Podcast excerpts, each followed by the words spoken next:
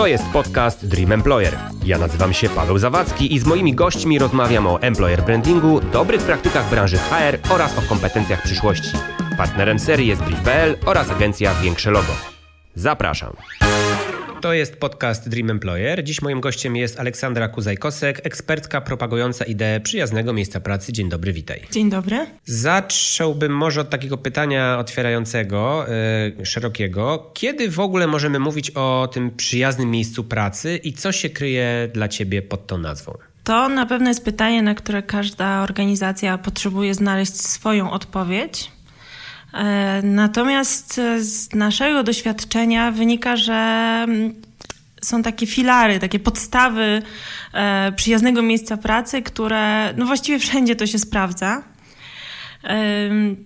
Styl zarządzania to jest e, na pewno jeden z tych filarów, czyli to w jaki sposób przełożeni zarządzają, jak, jaki mają stosunek do swoich pracowników, jakich narzędzi, jakich metod używają.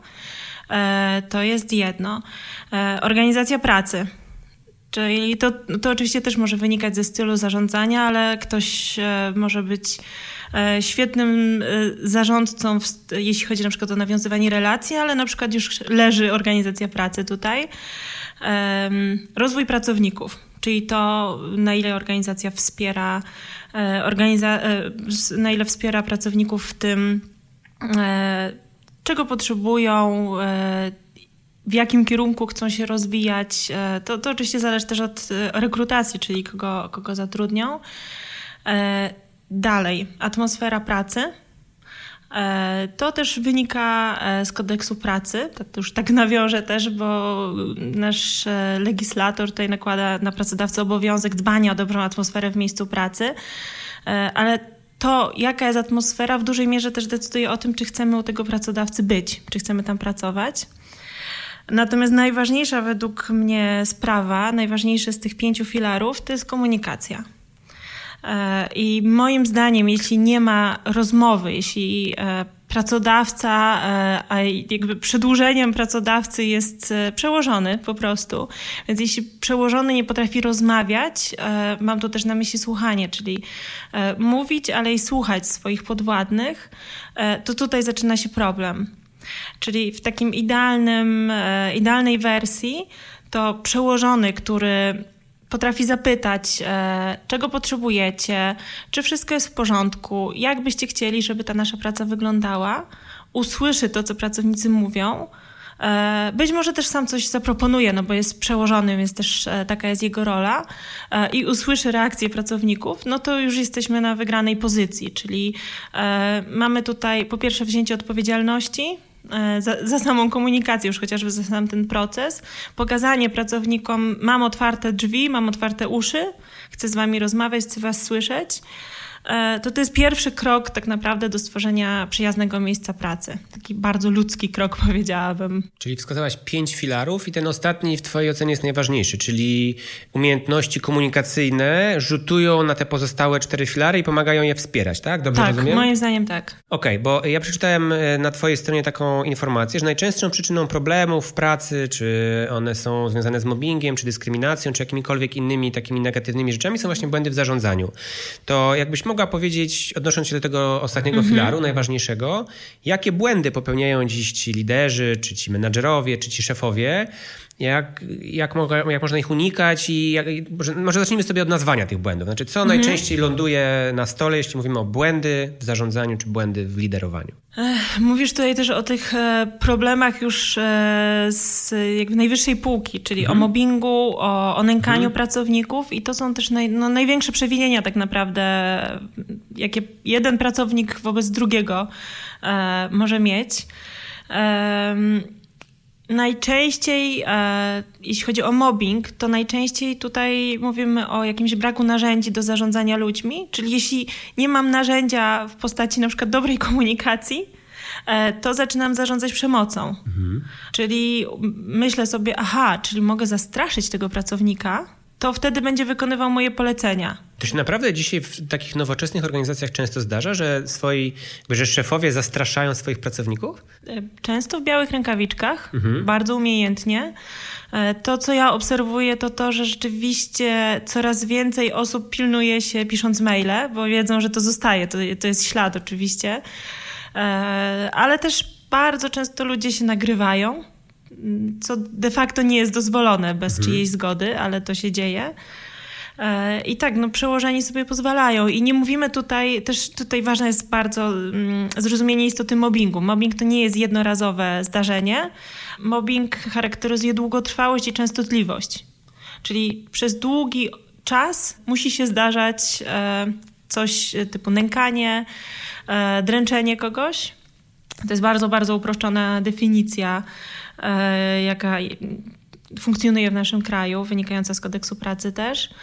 Więc tak, jednorazowe podniesienie głosu, czy jakiś nawet atak złości, to nie będzie mobbing. Natomiast jeśli to stanie się mm, jakąś częstą praktyką, e, a do tego pojawią się jeszcze inne zachowania czy działania wobec danego pracownika, no to już można się zastanawiać, czy, czy to jest mobbing.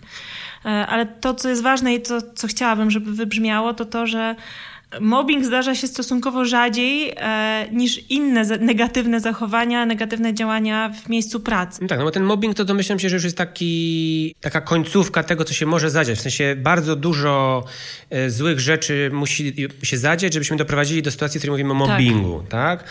Natomiast e, no domyślam się, że pewnie jeszcze jest szereg e, e, grzechów mniejszych, jak, jakkolwiek można je tak nazwać, które również są niekorzystne, które również wpływają na to, że to miejsce pracy nie jest przyjazne, a pracownicy się męczą.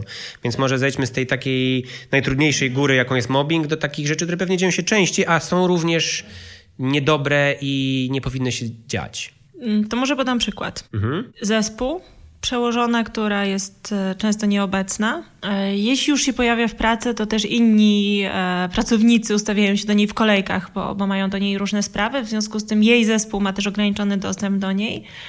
Prawdopodobnie w związku z tym, że jej nie ma, to nie widzi, co się dzieje w dziale. A w dziale narasta napięcie między, między jej podwładnymi. W pewnym momencie jedna z podwładnych mówi: Słuchaj, ja już nie mogę tego wytrzymać, e, nie dogaduję się tu z resztą zespołu, mm, zrób coś, nie wiem, przenieś mnie, e, może wymyślmy, jak ja mam inaczej pracować.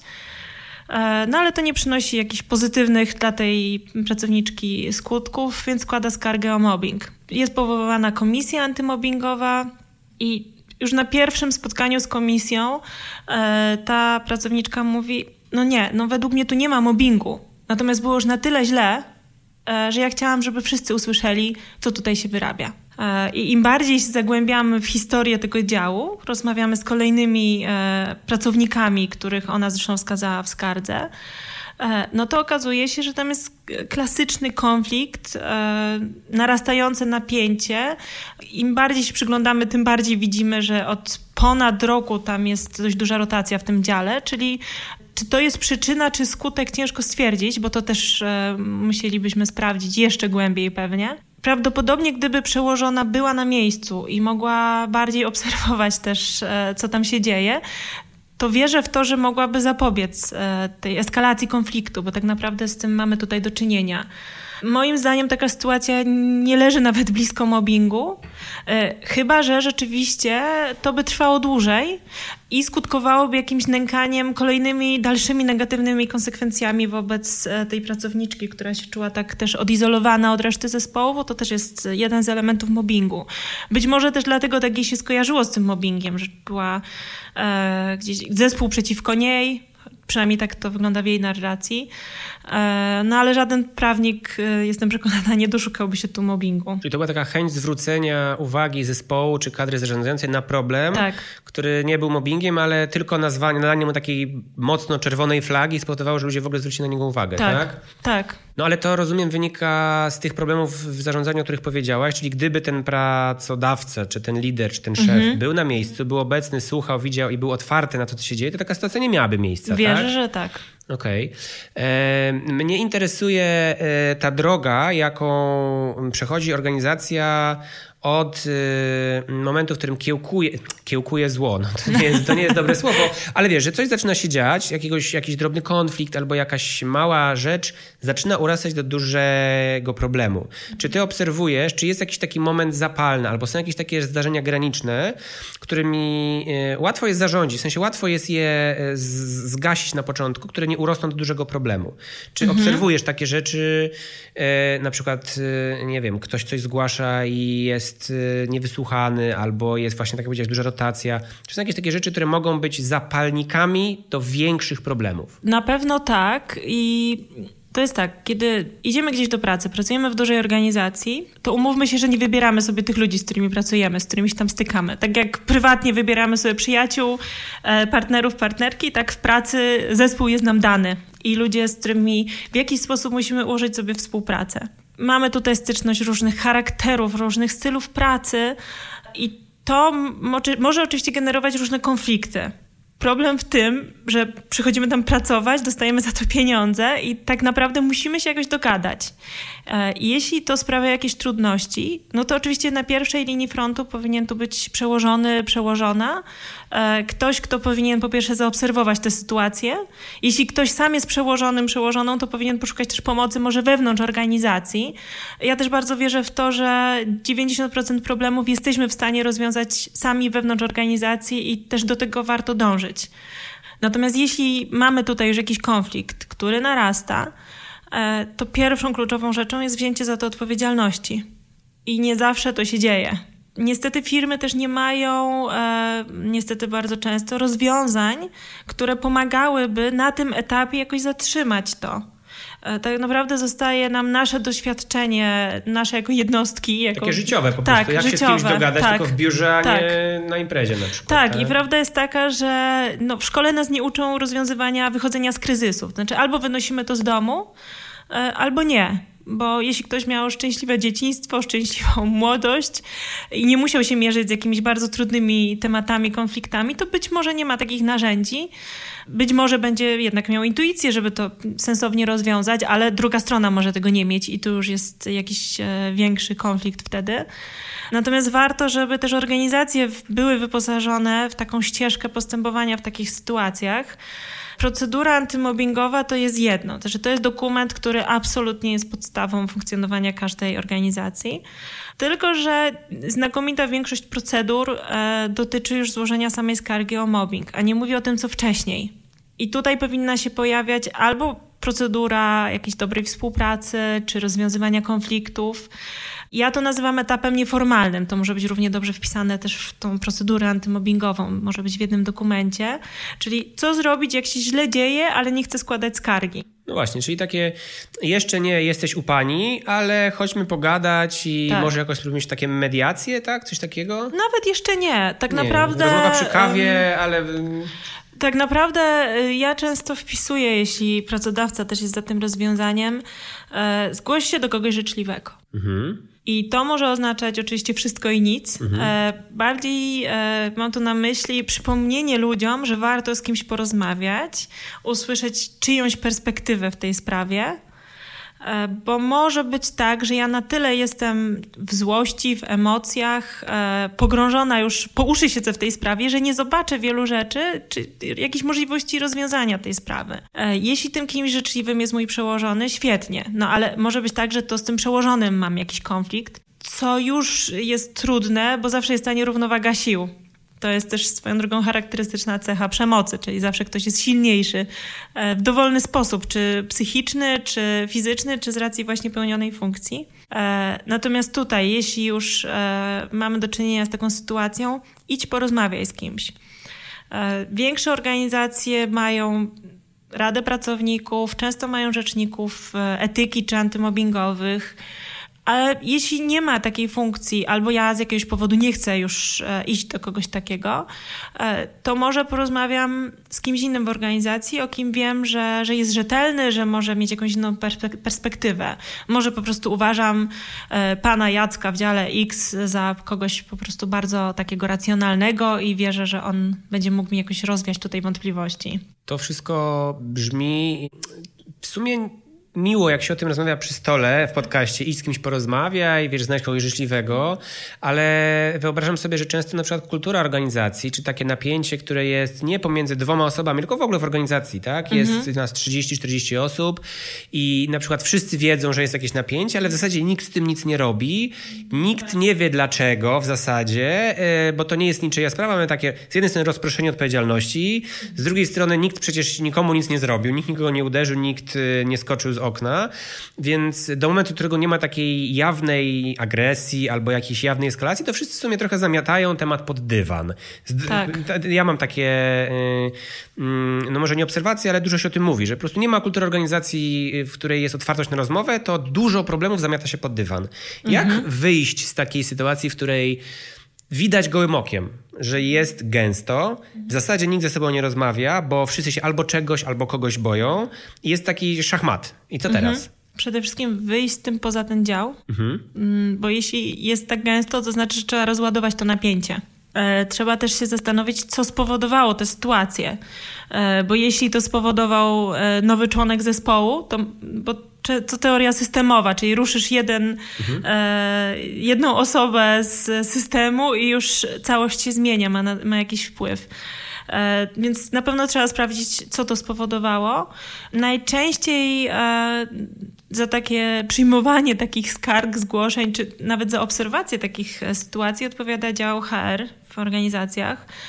E, natomiast y, osoby w dziale HR zwykle są bardzo i tak zaabsorbowane swoimi obowiązkami i ciężko jest im e, dostrzec takie sytuacje, szczególnie w dużych organizacjach, kiedy e, każdy jest, są, ludzie są rozrzuceni po piętrach, nie zawsze się widzą. No i na przykład właśnie wejdę ci w słowo, bo coraz częściej widzę w organizacjach takie stanowiska Chief Happiness Officer. Tak. Albo taka osoba, no różnie się nazywają te stanowiska, ale generalnie chodzi o taką osobę, ona może być przy dziale HR, ale niekoniecznie, która jest jest właśnie odpowiedzialna za to, że cały dzień chodzi po tych piętrach i po tych działach, klepie wszystkich w ramię i pyta, jak tam, albo czy wszystko w porządku, albo hej, jak sytuacja w projekcie, w zespole.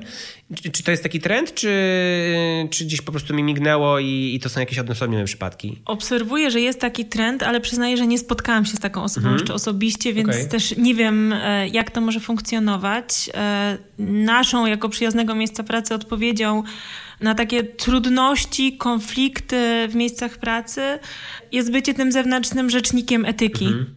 Czyli pracownicy wiedzą, że jest ktoś taki jak na przykład ja i inne osoby z mojego zespołu, do kogo mogą się zgłosić. Jest to bezpieczniejsze, ponieważ e, mogą zupełnie anonimowo na przykład zadzwonić do mnie, powiedzieć: Słuchaj, no jest taka i taka sprawa, co mamy robić? No właśnie, ja chciałem zapytać, jak przebiega taki proces uprzyjaźniania miejsca pracy, mhm. w którym ty bierzesz udział? Czyli zakładam, że jest organizacja, jest dział HR, który wymyśli sobie kurczę. No widzimy pewne problemy, nie jest źle, ale chcielibyśmy, mhm. żeby było lepiej.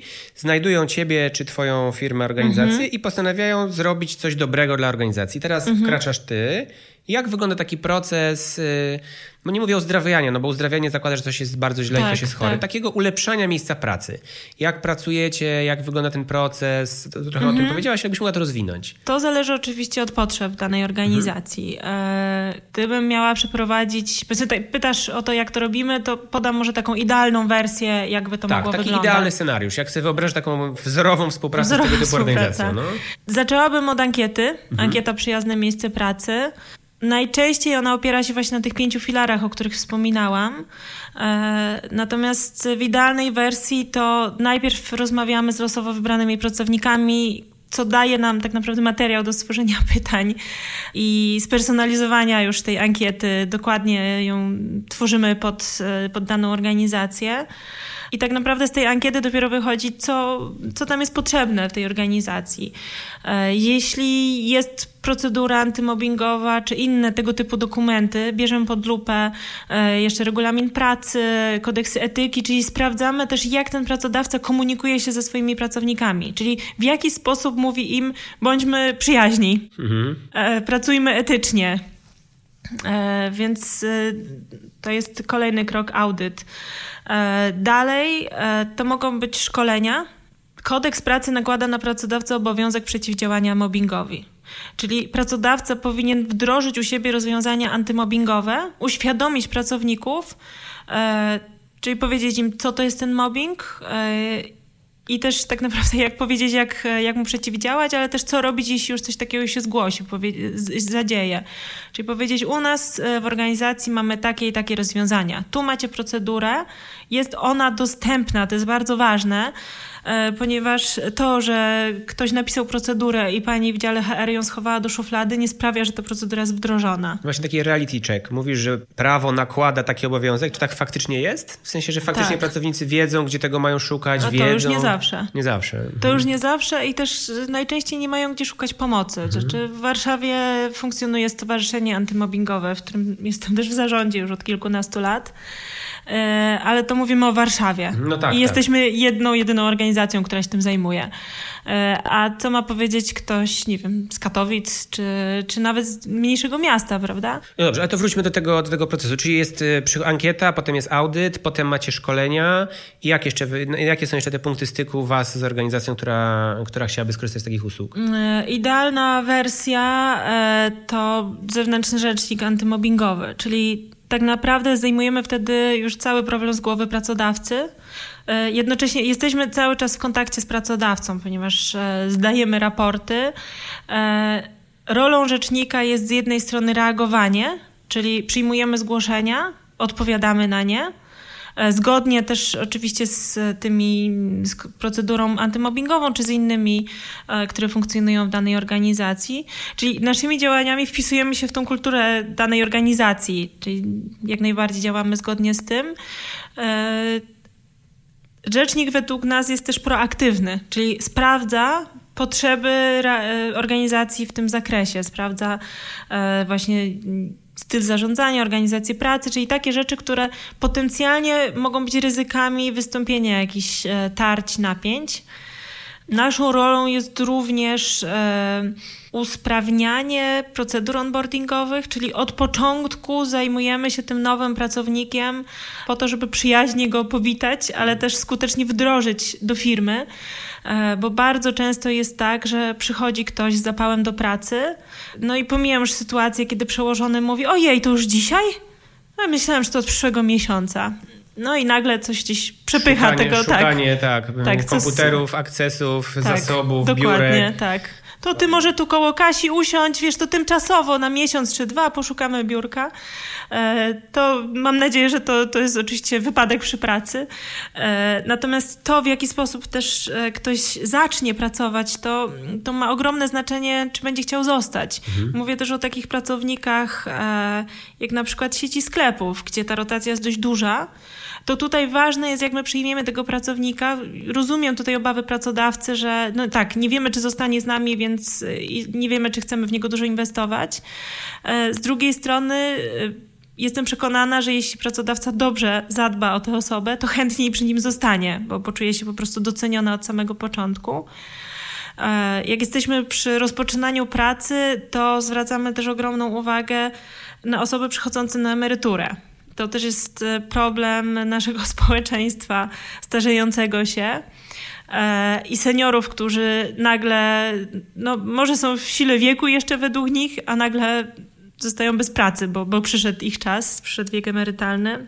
E, więc mamy też programy, nazwijmy je roboczo exit dla seniorów, czyli w jaki sposób pomóc takiemu seniorowi przejść na emeryturę, i jak go przygotować do tego, e, żeby się odnalazł w tej nowej sytuacji, ale też e, dbamy o to, żeby znaleźć dla tych seniorów miejsce na rynku pracy nadal, bo to są dalej osoby z ogromnym doświadczeniem, z ogromną wiedzą, bez względu na stanowisko tak naprawdę, bo to nie mówię tylko o prezesach e, czy menedżerach, którzy na pewno e, swoim doświadczeniem mogą się dzielić.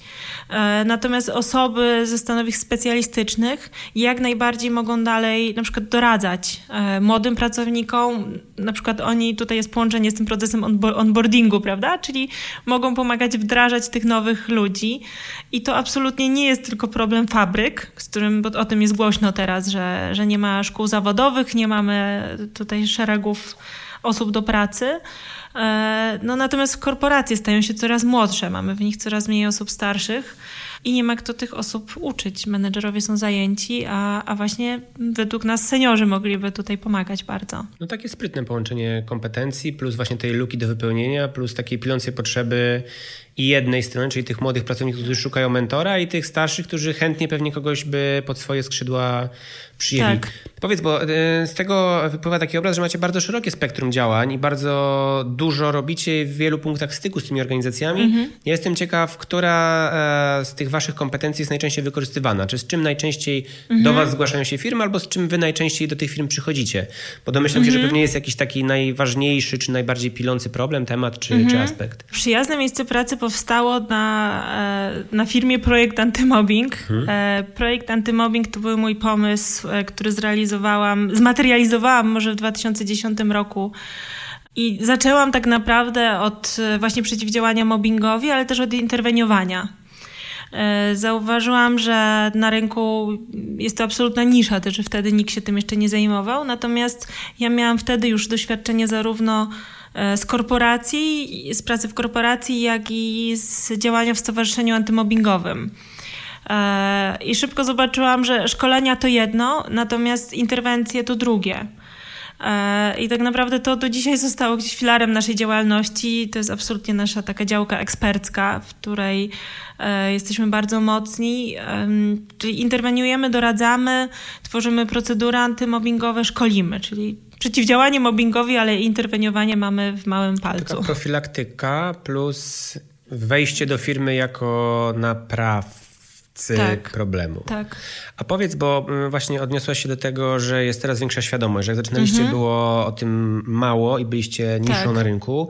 E, dzisiaj mówi się o tym dużo więcej. No przez ostatnie kilka lat wyrosły takie niechlubne akcje typu MeToo. No jesteśmy, mhm. żyjemy w ogóle w świecie, w którym po pierwsze poprawność polityczna, po drugie równouprawnienie, po trzecie te wszystkie historie związane z takim szczerym, dobrym traktowaniem siebie nawzajem są bardzo ważne. Mhm. E, pracownicy są też coraz bardziej świadomi pewnie swoich praw i widzą widzą dookoła, mm, że pewne zachowania, które może kiedyś były w porządku, już dzisiaj nie są w porządku mhm. i można się im przeciwstawić. Czy ty zauważasz na przestrzeni tych no już prawie 10 lat jakiś dramatyczny skok w jakości, świadomości miejsc, w miejscach pracy pracowników? Czy ludzie mhm. coraz częściej to widzą, czy częściej się zgłaszają? Jestem ciekaw, jak to na przestrzeni tych kilku lat się zmieniło, mając też z tyłu głowy to, że jednak tych kilka takich wielkich afer mobbingowo-dyskryminacyjnych po prostu się pojawiło i wypłynęło na, na powierzchnię. Mam poczucie, że jest inaczej. Mhm. E, czyli tak, rzeczywiście mówi się o tym więcej i też te działania antymobbingowe, antydyskryminacyjne e, są coraz powszechniejsze i mhm. to jest według mnie wspaniały ruch.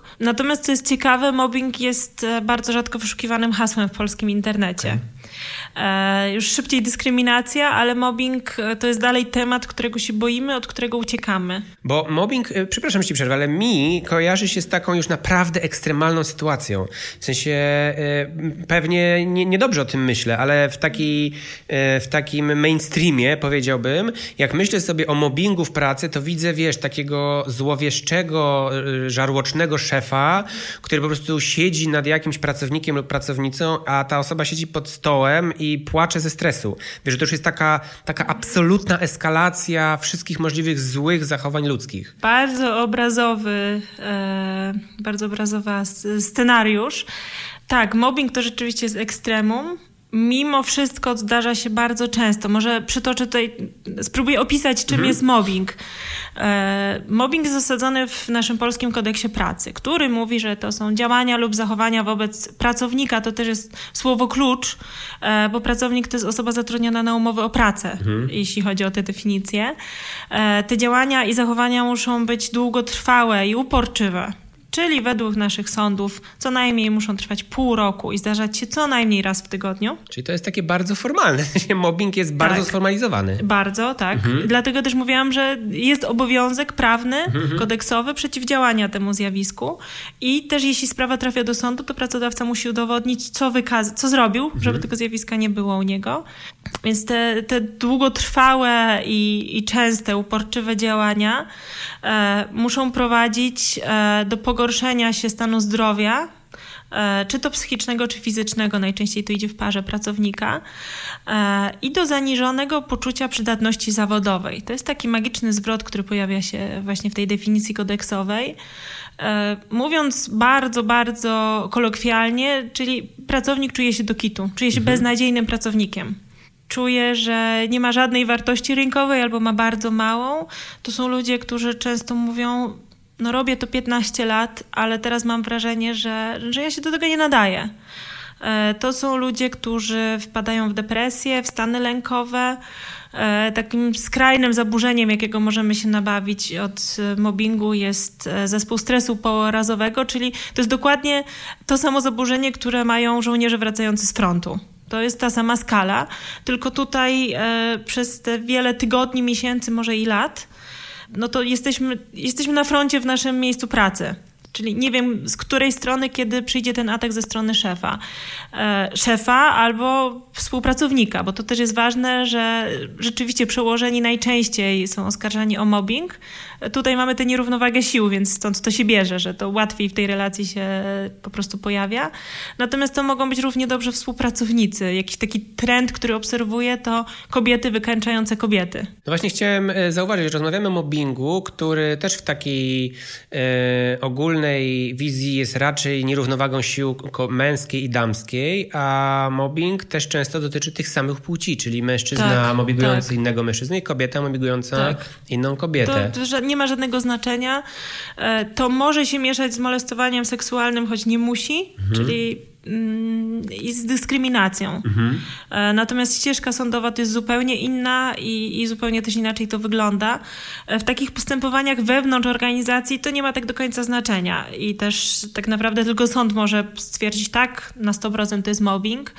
Ja uważam, że ważniejsze jest to, co zrobimy z tą sytuacją, czyli jak pracodawca zareaguje, jakie działania podejmie e, i tak naprawdę jak przyjmą to ci pracownicy, bo wiele tych komisji wewnątrz e, organizacji, które się toczy, to na koniec na przykład mamy wniosek, nie, tu nie było mobbingu, i co wtedy? Mhm. Czyli czy, czy wtedy ta osoba, która została oskarżona, no to raczej nie czuje się dobrze, ponieważ po latach ludzie będą pamiętać, mhm, ten ktoś był oskarżony o mobbing. No mówimy tutaj o jakiejś reputacji, mówimy tutaj też o jakimś takim e, wizerunku pracownika wewnątrz organizacji, już nie mówiąc o zmarnowanych zasobach, które tak. wykonały szereg pracy, żeby udowodnić czy wykazać, że w sumie nic złego się nie zadziało. Tak. E, a powiedz mi proszę, bo tak e, chciałbym jakąś klamrę do tej naszej mhm. rozmowy dołożyć. Co według ciebie powinno się w każdej organizacji zadziać, mhm niezależnie od jej wielkości, żeby zminimalizować e, jakiekolwiek trudne sytuacje prowadzące do mobbingu, czy do tych nadużyć bardzo dużych. Znaczy mogą, czy to powinna być, no bo w niektórych organizacjach, wiesz, jest e, otwarte drzwi u szefa, albo jest e, taka, taki mailbox z uwagami, czy właśnie jest jakaś procedura, czy jakaś strona, ale może ty na kanwie swojego doświadczenia możesz wskazać taką jedną rzecz, która na przykład, wiesz, obniża o 90% w ogóle trudności w organizacji. Może to jest coś ekstremalnie prostego, tak? E, coś, co każdy mógłby wdrożyć u siebie i to na pewno wyeliminuje bardzo dużo potencjalnie niebezpiecznych sytuacji. Rozmawianie i słuchanie. Mhm. Okay. I dobre intencje. Mhm. Czyli ja idąc do mojego przełożonego ufam, e, że ma dobre intencje mhm. i nawet jeśli ja przychodzę z czymś bardzo trudnym, to nie zostanę za to ukarana, zwolniona E, I, I, jeśli ten przełożony będzie potrafił wysłuchać, to wierzę w to, że, że to już by załatwiło no, większość problemów. Mhm. Natomiast jak wiemy, sztuka komunikacji jest najtrudniejszą sztuką i te oklepane szkolenia z komunikacji, asertywności, które większość korporacji przerabia, e, no niestety one mają sens. E, natomiast też z mojego doświadczenia wynika, że jednym szkoleniem nie zbudujemy przyjaznego miejsca pracy. To raczej jest potrzeba procesu. Według mnie to jest największa tajemnica, czyli proces. E, jeśli pracodawca chce być przyjazny, e, to tak naprawdę ma do odrobienia taką lekcję od samych podstaw, od budowania kultury korporacyjnej, od tego, jak się ze sobą komunikujemy, na ile jest tutaj otwartość, na ile jest branie odpowiedzialności za to, co się robi, co się mówi i to dotyczy absolutnie przełożonych, oczywiście przykład idzie od góry, ale też pracowników. E, ja też bardzo często pełnię rolę takiego pomostu między pracownikami a przełożonymi czy pracodawcą, e, dlatego że pracownicy boją się, nie chcą czegoś powiedzieć e, wyżej i mówią, na szkoleniach na przykład często się z tym spotykam, no to, to, to wy coś zróbcie. No my zróbcie. mówimy, no tak, ale my tu jesteśmy, żeby zrobić szkolenie, e, natomiast to jest wasza rola też, żeby, żeby pracodawca zobaczył, że to też jest jakiś wasz interes w tym, żeby coś zmienić. E, to jest coś, z czym się bardzo często spotykam, czyli brak e, brania odpowiedzialności za to, że ja też jako pracownik, pracowniczka mam wpływ na to, jak moje miejsce pracy wygląda. I to mogą być bardzo małe rzeczy, e, ale chociażby dbanie o to, żebym ja się asertywnie komunikowała, e, czyli nakładanie jakichś już dobrych wzorców e, no, od samego dołu, a absolutnie góra powinna to wspierać też i iść co najmniej równym krokiem, o ile nie wyprzedzać tak naprawdę swoich pracowników. Natomiast, tak jak mówię, komunikacja jest bardzo trudną sztuką. No to tej sztuki i rozwoju sobie, tobie i wszystkim tym organizacjom chyba trzeba życzyć, no bo zakładam, że z jednej strony mamy tych liderów, którzy muszą tą komunikację w sobie rozwijać i być czu, uczuleni i nawet może nawet trochę przeczuleni na to, co do nich dociera, a z drugiej strony tych pracowników, którzy nie mogą się bać tej komunikacji, też muszą mhm. jakoś się jej uczyć. E, no cóż, mam nadzieję, że takich organizacji, które będą przyjazne w tym rozumieniu, o którym sobie rozmawiam, będzie coraz więcej. Tych historii mobbingowych będzie jak najmniej oby. Mm, bardzo dziękuję Ci za rozmowę. E, no i do usłyszenia. Dziękuję bardzo. Dzięki za dziś. Pozostałe odcinki tego podcastu znajdziecie na Spotify, Apple Music, SoundCloud oraz w swoich ulubionych odtwarzaczach podcastowych. Do usłyszenia!